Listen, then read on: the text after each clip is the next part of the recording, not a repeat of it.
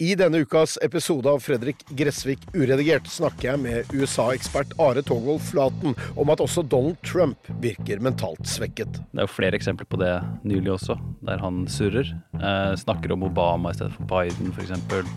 Han er jo ikke det han var, han heller, hvis du ser tilbake på klipp av Trump fra 2015-2016. Gjerne enda lenger tilbake, den gang han var demokrat. Hør Fredrik Gressvik uredigert, gratis der du hører podkast.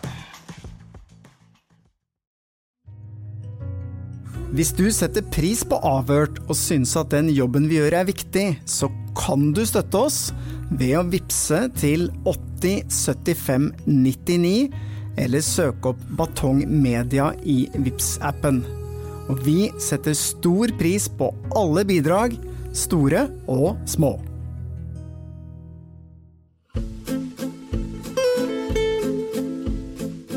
Er det likhet for loven? Det kan virke som om dette ikke stemmer i Sør-Øst politidistrikt. I hvert fall ikke når det gjelder tidligere ansatte i politiet. Dette er historien om kongen av Kongsberg. En tidligere høyt ansett politimann som angivelig ikke har gått av veien for å svindle, bedra og utnytte venner, familie, tidligere kollegaer, ansatte og det offentlige Norge i over 20 år. Han er anmeldt 23 ganger, men politiet henlegger alle sakene mot ham. Hm.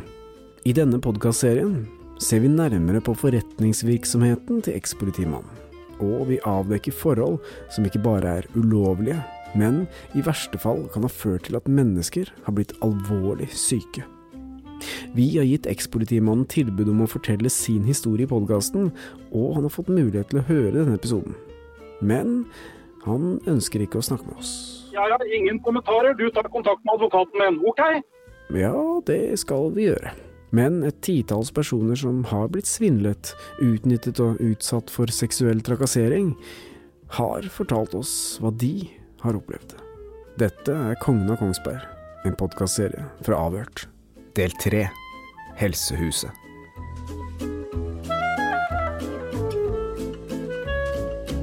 I de to foregående episodene så har vi jo snakket om pyramidespillet, og vi har snakket om dette sikkerhetsselskapet, men denne ekspolitimannen han har jo også forsøkt å slå seg stort opp i helsesektoren, da, ved å etablere et såkalt helsehus.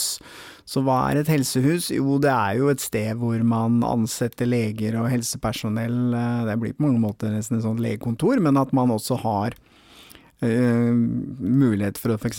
ta røntgen og vurdere røntgenbilder, og ta blodprøver og, og, vurdere det, eventuelt for da henvisning til sykehus eller til spesialist eller uh, hva som helst, da.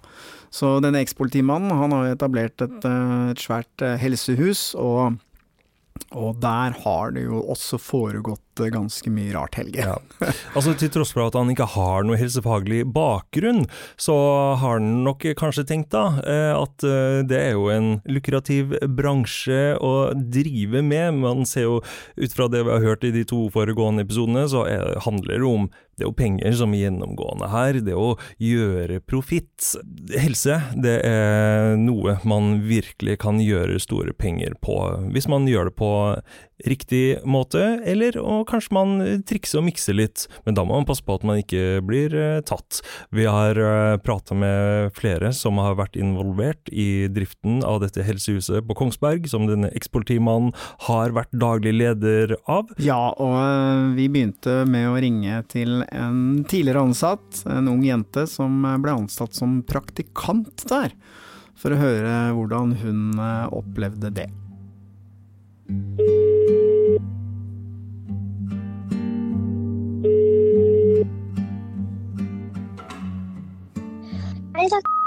Hei, du, dette er Stein Morten Lier og Helge Molvær fra podkasten Avhørt eh, som ringer. Ja, hei du.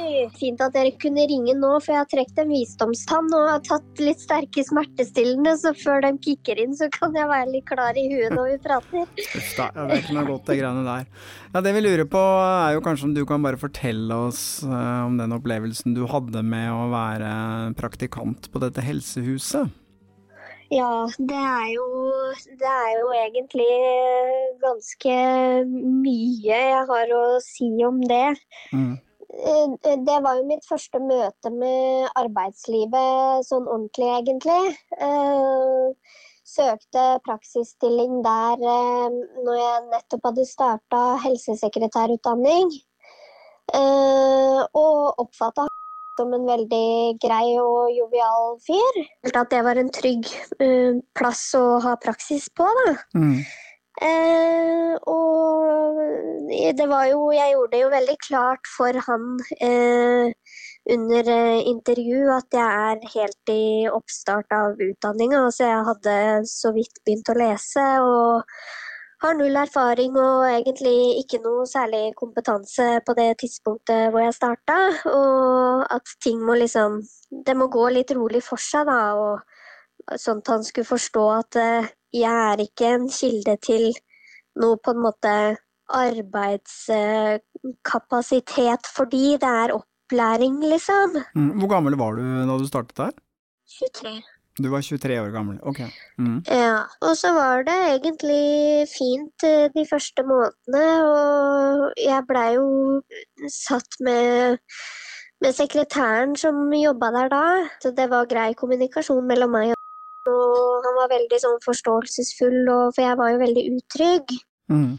Men så snudde det plutselig med Fordi at eh, jeg fikk jo inntrykk av andre kollegaer der om at eh, nei, var liksom ikke helt ålreit, og jeg skjønte jo ikke noe av det, fordi at for meg så virka jo han som en helt super fyr. Men så tok det vel ja, hva da, fire måneder kanskje, jeg husker ikke helt, før det plutselig begynte å snu litt, da. Eh, hvor det da på en måte Han stilte høyere krav til meg. Og det var at Ja, han liksom på en måte nesten krevde at jeg skulle fungere som en, eh, en vanlig ansatt der. Ok. Eh, og da Det var jo Skulle jo være sommerferieavvikling og, og sånne ting. Og jeg hadde jo gjort det veldig klart for han at jeg, jeg Det er helt uaktuelt at jeg skal være på jobb alene. Som, og fungere som sekretær alene. For jeg er bare noen måneder inn i utdannelsen, liksom. Og det er vel strengt talt heller ikke lov.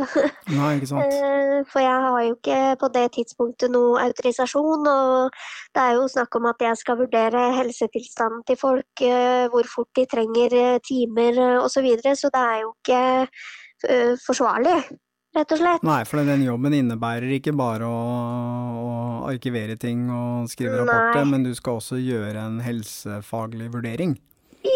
Jepp. Ok. Så når folk ringer og ønsker time, så må jo jeg stille spørsmål og ta en vurdering over telefon, gjette meg litt fram til sykdomsbildet og ta en avgjørelse på hastegrad. Og det at du da ikke har nok kompetanse, kan jo gjøre at folk ikke får den hjelpa de trenger, da. Ja, i verste fall så, så kan Ja, det det kan føre gå på til at folk helsa. mm. Ja. Det var jo da det begynte litt, fordi at eh, når det da skulle være ferieavvikling og sånn, så mente han at jeg skulle steppe opp på jobb og jobbe aleine, da. Når sekretæren skulle ha fri og sånn, for vi var jo underbemanna. Mm. Og det var liksom eh, å protestere mot det, det var uaktuelt. Eller eh, at jeg ga uttrykk for at jeg syntes ting var utrygt. Så trua han med at jeg ville miste praksisplassen min hvis jeg ikke gjorde som han ba meg om, da. Ok, så da du liksom opplyste han om at du ikke var kvalifisert til å ta en sånn rolle, så truet han deg med at du skulle miste plassen din. Ja, og det var jo jeg veldig redd for, for jeg var jo helt avhengig av eh, praksistimer for å få godkjent utdanninga mi eh, i det siste året, da. Mm. Og så ble det jo sånn at eh, ved sykdom og sånn Det var jo bare én sekretær og meg. Det var ikke noen andre tilkallingsvikarer og sånn på flere tidspunkter. Det blei plutselig ansatt en, og så funka ikke hun, og det ble spar hun ble sparka og alt mulig rart. Og da satte han inn regnskapsfører som sekretær, da, eh, ved siden av meg. Han tok en regnskapsfører som overhodet ikke hadde noe helsefaglig utdannelse til å gjøre en Ja. sånn type jobb. Ja, så da satt jeg der eh, under utdanning sammen med en eh, regnskapsfører hvis eh, helsesekretæren var syk, eller i ferieavviklinger og sånn. Og hun hadde jo ikke Altså, det er jo brudd på alle mulige måter, for hun skulle jo ikke ha innsyn i journaler eller noe som helst. Nei, for det er jo taushetsbelagt. Ja, hvis jeg ikke var på jobb, eller min kollega ikke var på jobb, så logget hun seg inn på våre profiler da, i journalsystemet. Uh, og jobbe sånt hun Ja, vi måtte ha samme passord alle sammen, og det var på en måte Jeg var jo, jeg var jo helt blank. Jeg tenkte jo Jeg stussa litt over at hvorfor skal alle sekretærene ha likt passord, og hvorfor skal alle vite om de passorda? Det gir jo ikke noe mening, det skjønner man jo sjøl.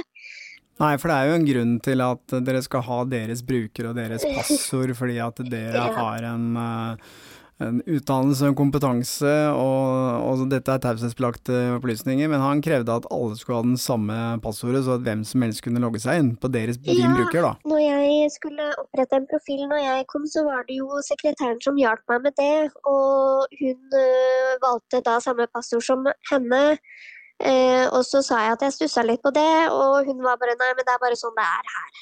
Eh, og jeg forsto det sånn at det var i regi av da. At det var den ordninga som var der. Og jeg på en måte bare føyde meg jo bare etter ting.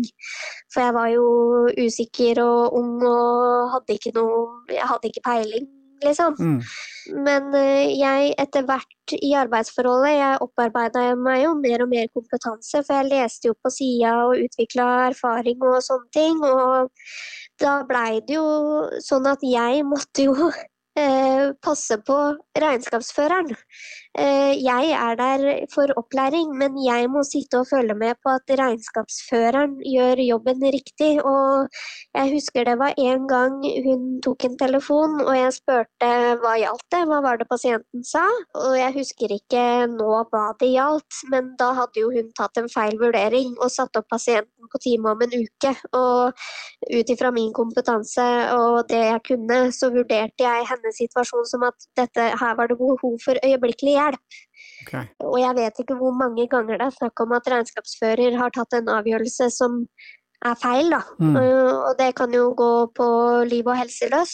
Og det her blei jo tatt opp internt med den ene privatlegen som jobba der, blant annet. Prøvde å ordne opp i forholda internt. Satte i gang en arbeidsmiljøundersøkelse, blant annet. Og prøvde å ta opp på møter og si til det, det er ulovlig. Eh, Du kan ikke sette inn regnskapsfører. Og det at vi hadde likt passord alle sammen, det gjør jo at eh, nå fint kunne logge seg inn. At det, det, det er ikke sånn, jeg tror ikke noe på at han ikke visste hva passordet våre var. Jeg skjønner. Så han kunne også logge seg inn på alle pasientjournalene. Ja, jeg det, det, det det er bare løgn hvis han eh, sier det at han ikke visste hva passordet våre var, for jeg fikk tildelt et passord da jeg kom, og det var det samme passordet som min kollega hadde, og fikk bare vite at det var bare sånn det var, for det enkelthetens skyld, liksom, hvis en av eh, brukerne konka eller et eller annet sånn, at vi kunne logge inn på hverandres, da.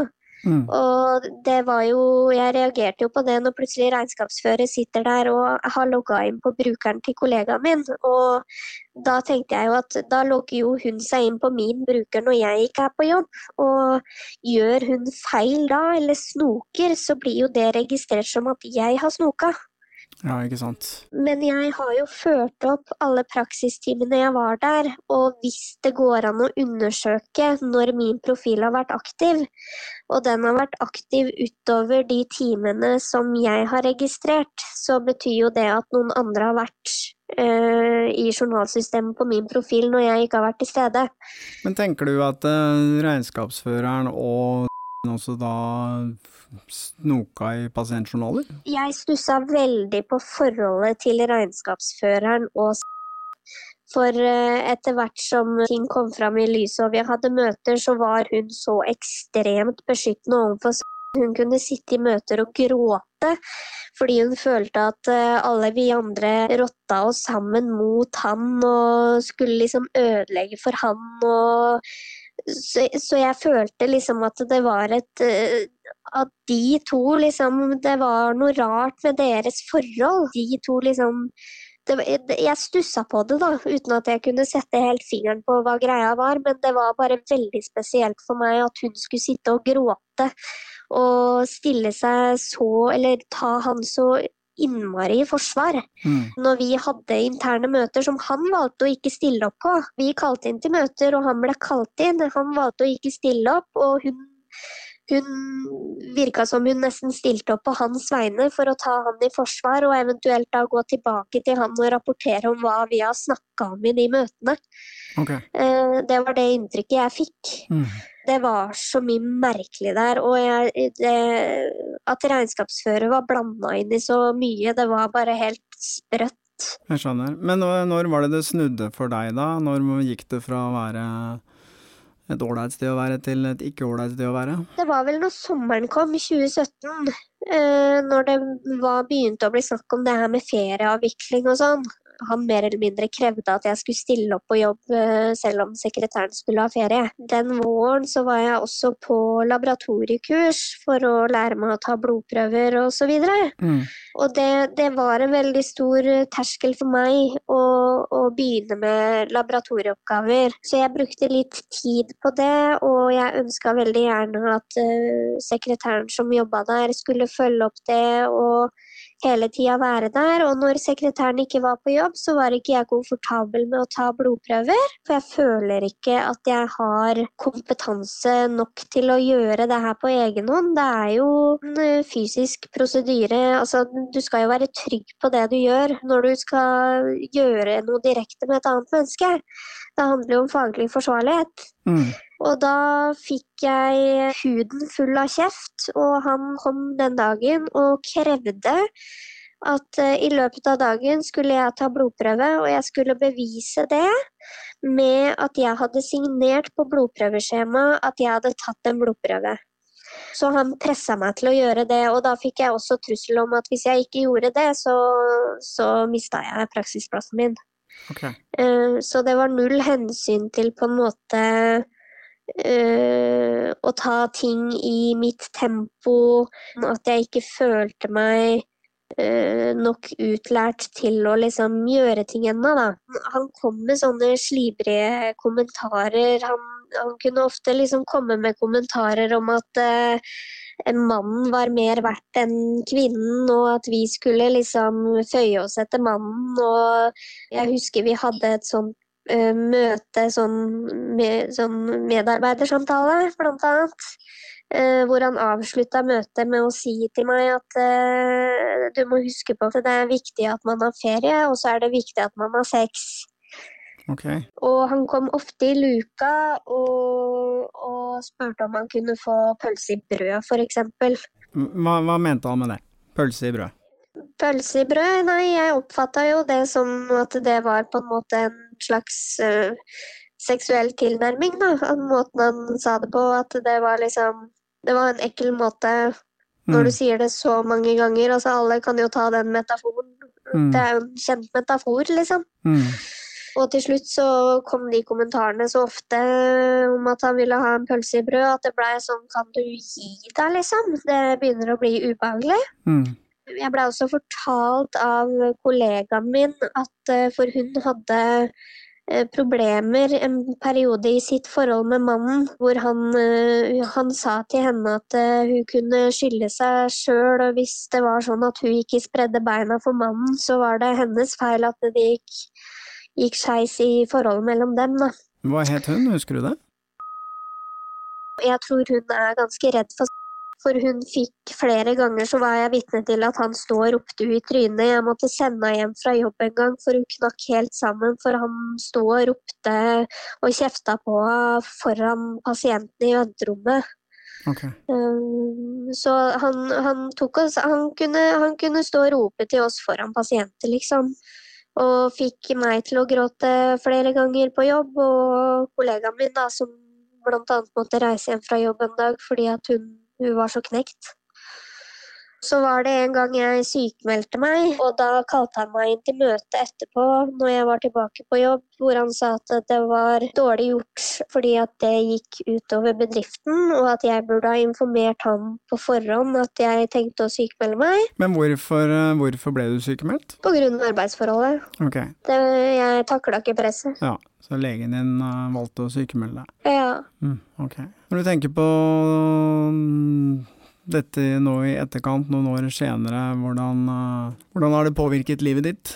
Det har påvirka livet mitt veldig. Jeg har vært eh, livredd for eh, nye arbeidsforhold. Jeg har, når jeg har vært på jobbintervjuer og sånn, så prøver jeg så godt jeg kan å på en måte lese sjefen for å se om jeg ser likhetstrekk med jeg har vært kjemperedd for å bli utsatt for eh, lik ledelse som han dreiv med. Og da er det jo spesielt hvis det er mannlige ledere, da. Så det har, det har påvirka meg veldig i form av at jeg ja, jeg syns det har vært vanskelig egentlig å ta nye jobber, for jeg er så redd for å havne i et likt arbeidsforhold. Ja, jeg. Hvis jeg plutselig liksom føler at det er et likhetstrekk, så har jeg vært på nippet til å si opp arbeidsforholdet ganske tidlig, for jeg er redd for at det skal utvikle seg til å bli som det blei på Helsehuset, da. Ja, så det du sier at uh, den perioden du var på Helsehuset, det har jo traumatisert deg, da? Det, det, har det. Det er jo liksom litt overraskende hvor ofte han dukker opp i hodet mitt. Sånn at jeg tenker tilbake på hvordan det var. Jeg var aldri redd for han i den forstand at han skulle ty til noe vold eller noe, men han var han var så skremmende når han kjefta, og det var det med at du følte deg ikke trygg, du følte deg ikke ivaretatt. Jeg følte meg ikke trygg på at hvis jeg hadde det vanskelig på jobb eller noe sånt, så det ble ikke tatt noe hensyn eller tilrettelagt. Man måtte bare gjøre som han ba deg om, hvis ikke så kunne du jo få fyken. Eh, og da jeg endelig valgte å si opp, så sendte jeg jo en mail til for å få en arbeids- eller bekreftelse på ansettelse for å kunne søke ny jobb, men han svarte meg aldri. Så jeg måtte jo ty til den ene private legen for å skrive en bekreftelse på ansettelse til meg. Okay, jeg så jeg hørte aldri noe mer fra han når jeg valgte å si opp. Og da, på det tidspunktet var jeg jo glad for at jeg ikke hadde arbeidskontrakt, for da kunne jeg jo gå på dagen. Tusen takk, da skal du få lov å komme til hektene etter fjerning av visdomstalla ja, di, så får du ha god bedring. Og så håper jeg det fint vi, fint vi rakk å, rakk å, prate før det kicker inn helt her. ja, du, får, du får nyte rusen. ja, det skal jeg gjøre, du. ok, du. Ha en god helg, da. Ja, takk det samme. Ha det godt. Ha det.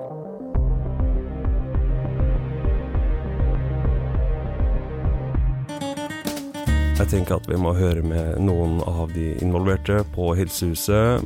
Hva med å starte med hun der regnskapsføreren som òg satt og svarte på telefonen?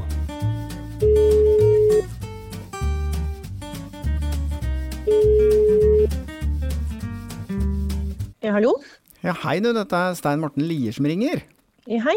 Du, jeg har en sånn podkast som heter Avhørt. Ja, det er ikke aktuelt å kommentere noe på det. Å nei, du vil ikke, hvorfor ikke det?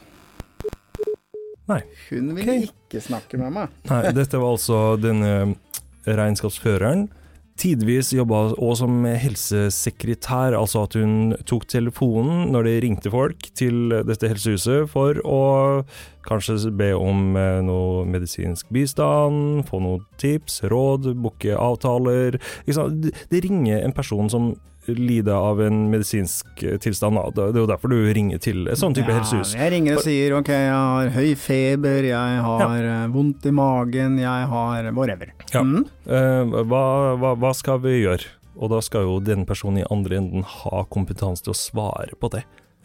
Du skal i hvert fall ha kompetanse til å gjøre en vurdering på om den som ringer inn kanskje bør ha en hastetime, kanskje bør komme med én gang, eller kanskje det ikke er så akutt at man kan vente en ukes tid. Altså, de tingene her er jo ganske viktig. Altså, hvis du ringer til legevakta f.eks., mm. så møter du jo en sykepleier ja. som du forteller til hva feiler deg, og så vil sykepleieren si ok, jeg tror kanskje det er lurt at du kommer en tur, eller eh, CD-en en dag eller to, eller Ikke sant? Mm. Det, det, er jo det rådet du får når du ringer til legevakta, og det er jo ikke noe annerledes når du ringer til et helsehus med eh, fastlegen din, f.eks., da. Morten Ol...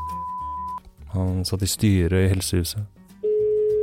Som styremedlem så bør du jo ha en viss oversikt over hva som foregår i det selskapet. Da.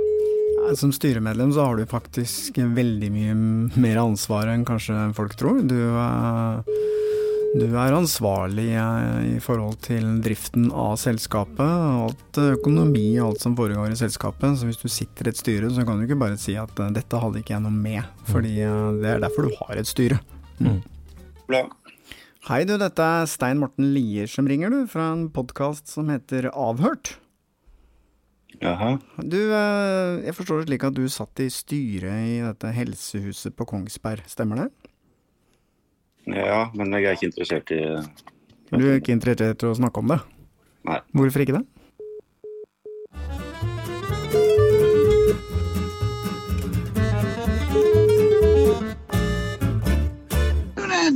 Jeg har en podkast som heter Avhørt. Ja, Og i den forbindelse så øh, jobber vi med en sak rundt dette helsehuset på Kongsberg. ja. Og da tenkte jeg vi kanskje kunne ta en øh, prat med deg om, øh, om det, hvis det var mulig? Nei, da må du snakke med, du snakke med de andre. Jeg er bare et eh, Har ikke mye mer. Jeg er en passiv styremedlem. Passivt styremedlem, hva betyr det? Du kan ringe Hans Olav. Ja, ok. Men vi har akkurat snakka med han, han var ikke så veldig interessert i å prate. Nei, det er ikke jeg helt, for jeg, eh, jeg, jeg Ja. Nei, jeg vil ikke være med på det. Ja, men øh, hvorfor vil du ikke snakke om det? Nei, jeg vil ikke det noe. Jeg, er- jeg er der, jeg. Og det går bra. Du får ta Hans Olav. Ok, du satt jo i styret, Yes. så du har jo på mange måter Ja da, jeg sitter i styret, ja da. Så du, du har jo et Men snakk med ansvar for hva som har foregått der da? Ja, ja, og det har vi vel eh, gjort, uh, gjort opp og ordna opp alle sammen der, da. Så det er bra. Men du får eh, ringe med deg. Ok, greit. Takk skal du ha. Hei, du. Hva skjer? Altså, dette styremedlemmene i Helsehuset i Kongsberg vil ringe for å ha en liten dialog om dette her, og det er rett på nei, det er ikke interessert. Han første la på, Han bare la på. og han her var jo Han sa at han var et passivt styremedlem. Passiv, passiv styremedlem. For da er ikke det en voldsom risiko å ta å si ja til å sitte i styret til et selskap, og så bare være passiv, ikke legge seg borti hva som foregår der? Du har jo eh, et kjempeansvar. Du har straffansvar, du har økonomisk ansvar. Og, og eh, det er klart at den reaksjonen vi fikk nå fra to styremedlemmer i Helsehuset, forteller meg bare én ting, og det er at her er det svin på skogen. Dette vil ikke jeg snakke om. Eh, vi har styrelederen.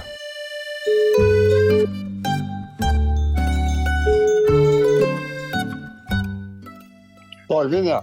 Hei du, dette er Stein Morten Lier som ringer, du. Jaha. Du, jeg eh, har en sånn podkast som heter Avhørt. Kikke litt nærmere på dette helsehuset på Kongsberg og alt som har foregått der oppe. Ja. Jeg forstår det slik at du har vært eh, styreleder der tidligere, var det så? Jeg Har vært styreleder, ja. Det har kommet fram en del sånne ting at eh, driften der oppe ikke har vært helt som den skulle være. Med snoking i pasientjournaler fra daglig leder sin side, og seksuell trakassering og behandling av ansatte på en eh, Og bruk av ufaglært hjelp osv. Har du noen kommentar eh, Stemmer det, eller? Nei, altså nå kan jeg si det at dette har jeg vært Jeg var jo med den gangen Helsehuset ble starta, så jeg kjenner jo dette her veldig, veldig godt. Ok. Og her ble det intriger internt. Hvordan da? Ja, det ble sånn at det ble beskyldninger mot hverandre. og Så liksom du kan si eh, ja, Hva skal jeg si ja, når du sier alt det som er verdt og alt det som er kommet fram, så er det veldig mye av det som ikke er riktig. Ja, Hva er det som ikke stemmer? Stemmer det ikke at det var snoking i pasientjournaler? Tror jeg ikke. Du tror ikke det, men du vet Nei. ikke med sikkerhet? Jeg kan ikke sitte her og si det, jeg. Jeg må jo bare prate ut fra, fra det jeg erfarte i den tida jeg var der. Okay. Og da, da syns jeg dette virka. Og jeg var jo også med på en del sånne personalmøter. Blant annet så var det jo sånn eh, i denne gang, den tiden som var det der med, med trakassering, seksuell trakassakering og greier. Mm. Og, og den gangen så det, det løste seg opp til ingenting. og ble, ble egentlig bare løst opp. For det var jo liksom det, det endte, For å ta det, da. Det endte jo opp med at det var litt sånne vitser, rå vitseprater på spiserommet og sånne ting. Men det var jo ikke noe konkret.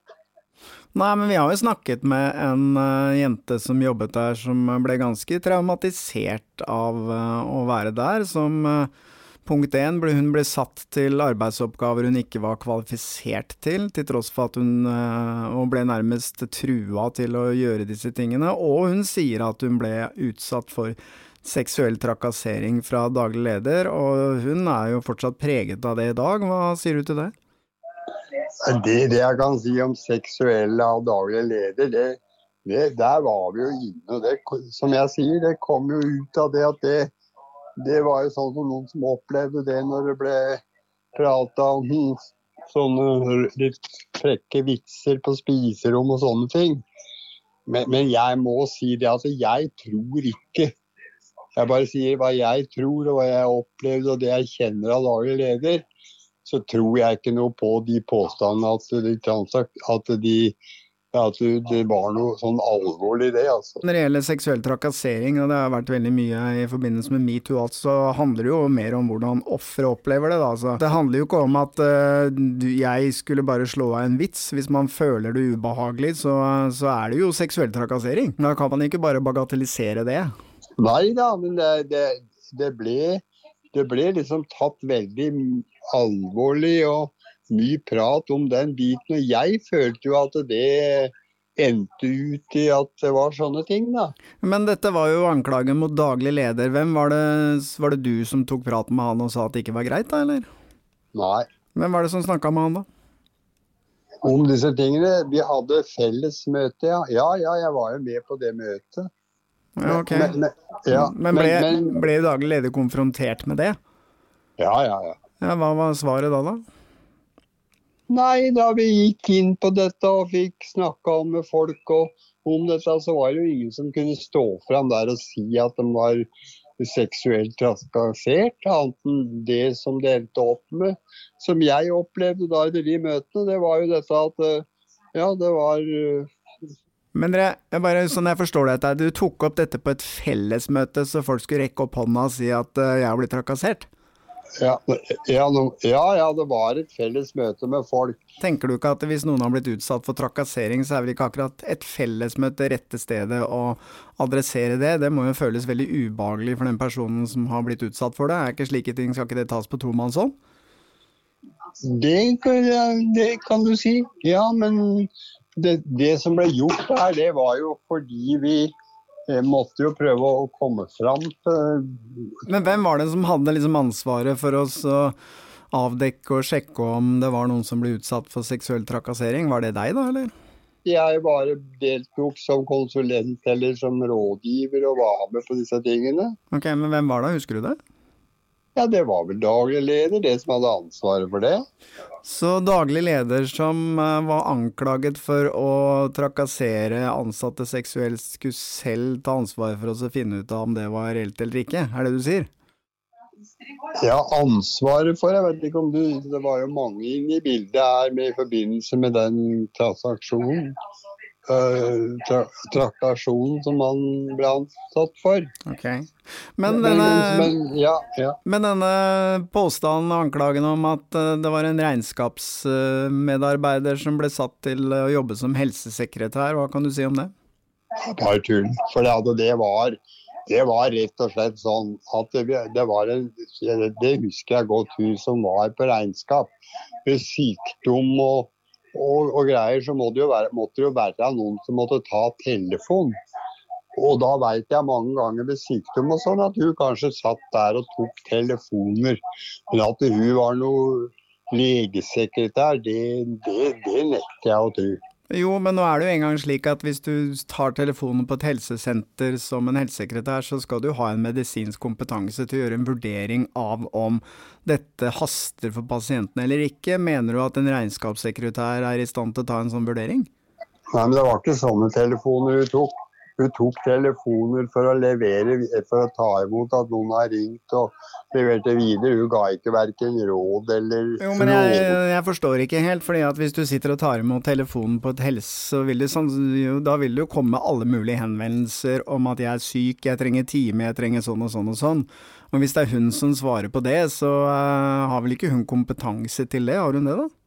Nei, men hun svarte aldri heller på det, for hun overleverte da saken til andre. Men det var jo ingen andre der.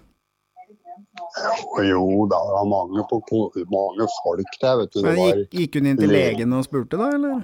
Ja, ja, i praksis. Men det, det viktigste med det hun ble brukt til, det var jo det at ikke noen skulle ringe dit, og så ikke noen svart, svart telefonen. Du veit jo det at det er mange tilfeller folk kan i en, i en sånn liten bedrift som kan ta telefonen og så si nei, jeg kan ikke svare på det nå, men jeg gjør sånn og sånn og sånn og sånn. Men kan du garantere at ikke hun tok imot telefoner og ga helsefaglig råd? Jeg kan ikke garantere det, for det, det må du jo skjønne. Jeg kan ikke si det er å garantere noe. Det må, det må du da skjønne, for jeg var ikke der, jeg. Nei, nei, men det er jo såpass alvorlig at hvis du sier at hun ikke gjorde det, så må du ha noe dokumentasjon på at hun ikke gjorde det, for det er jo mange andre kilder som sier at hun gjorde det. Ja, nei, nei, da Jeg kan ikke garantere noe, jeg. Nei, ok. Nei, Nei, jeg forstår det, altså. Jeg, jeg bare Det må du jo skjønne. Ja, Det- men jeg må jo stille de spørsmålene, for det er klart det er ganske alvorlig hvis folk uten helsefaglig utdannelse blir brukt i en rolle hvor man krever helsefaglig utdannelse. Det er jo ikke bare kritikkverdig, det er vel ganske ulovlig, er det ikke det? Ja, men jeg veit ikke, sånn som jeg samarbeider mye med regnskapsdama på mange måter. Jeg, jeg kan ikke Jeg jeg kan garantere. Jeg kan ikke forstå at hun gjorde det. altså. det- Ikke hadde kompetanse og ikke gjorde det, det, det tror jeg ikke noe på. Men jeg kan ikke garantere noe, jeg. Ja, klar tale der fra tidligere styreleder i Helsehuset, eh, som har full kontroll på alt som har foregått der. Det er kanskje en fordel da, hvis du eh, driver litt shady business og har en styreformann som ikke helt følger med. Men det verste må jeg bare si, at når du sitter som styreleder i et helsehus, og du sier at det var anklager om seksuell trakassering, og så klarer du å si at vi tok opp det for et fellesmøte. Og da fant du ut at det var ikke noe problem, og det var da denne ekspolitimannen som har begått trakasseringen som fikk ansvaret for å finne ut at det hadde foregått noe. Altså, det blir så dumt at det, det er grunnen til at jeg ler. Det går ikke an. Det er proft. Det, er helt proft. Ja, dette var jo etter eh, metoo-bølgen hadde liksom flomma over eh, verden, og man hadde liksom begynt å få en annen forståelse. Det er helt rart å sitte her nå, man har jo liksom alltid forstått at det ikke er bra, men man fikk liksom for et par år siden at det ble sånn ordentlig røska tak i, da. Og med det som bakteppe, at de sitter der og ok, nå sitter vi på dette helsehuset og skal rydde opp i dette, og så er det daglig leder og utfører, eh, angivelig, da, av denne uønskede seksuelle oppmerksomheten som skal sitte og behandle det. Ja, og at du da i tillegg sitter og sier at ja ja, det var vel litt sånn grisevitser og sånn, da. Altså, man skulle tro at etter metoo-bevegelsen virkelig tok av, at man fikk et helt annen bevissthet rundt eh, disse tingene. Men det, i dette tilfellet så gikk det nok hus forbi, det hørtes sånn ut. Dette var jo den tidligere styrelederen. Vi får ringe til dagens eh, styreleder og høre hva han har å si. Ja, hva gjør? Hallo, ja, dette er Stein Morten Lier som ringer, du. Ja, Hei, er du. sånn? Jeg har en sånn podkast som heter Avhørt. Vet ikke om du har hørt om det? Jo, den har jeg hørt om, for jeg hørte på den i går. Vi eh, ser litt nærmere på denne saken med helsehuset på Kongsberg og ting som har foregått der, for vi har jo fått inn en del Ja, det, der, det der, der har jeg ikke noe kommentar til, altså. Ja, ok, for vi har akkurat snakka med tidligere styreformann. Det var en interessant samtale, det. Han er en meget oppegående herremann. Uh, ja, men du har ikke noen ytterligere kommentarer? Uh, Jeg har ikke det nå, altså. Jeg, dette er Jeg har vært blanda inn i noe som jeg absolutt ikke har noe kontroll over. I neste episode av Kongen av Kongsberg. Dagen eh, reiste på søppeldynga en gang i uka med dette avfallet og, deponerte dette som eh, vanlig søppel i en svart søppelsekk. Og det er, jo, det er jo ikke lov. Det er jo medisinsk avfall, så det skal jo da deponeres eh, via enten via et apotek eller et sykehus. Nei, det er litt uh, skremmende å tenke på at han uh, lar dattera si gjøre sånne ting helt uten videre. Du har sett Carl Co. Den eksplosive utladinga som uh, Carl har der. De, de kan du sette i samme boss. Men opplegget var slik at jeg skulle jobbe som bedriftshelselege. Det viste seg at, at det en periode så det har blitt dit vaksine som har gått ut på dato. Men han bare holdt og da, da tenkte jeg ok, men da, da takker jeg for meg. Jeg bare, jeg bare sluttet da på flekken. For jeg, jeg tenkte dette er dette er en så altså jeg kan ikke Han sitter og veit et eller annet om noe eller noen som ikke tåler dagens lys. Det er jeg heldig overbevist om. Vi har vært i kontakt med ekspolitimannens advokat, som har fått mulighet til å høre hele denne episoden, men han har valgt å ikke komme med noe tilsvar. Avhørt er produsert av Batong Media. Redaksjonen vår består av Stein Morten Lier, Helge Molvær og Lars Christian Nygårdstrand. For å komme i kontakt med oss og se eksklusivt innhold, følg oss på Facebook og Instagram.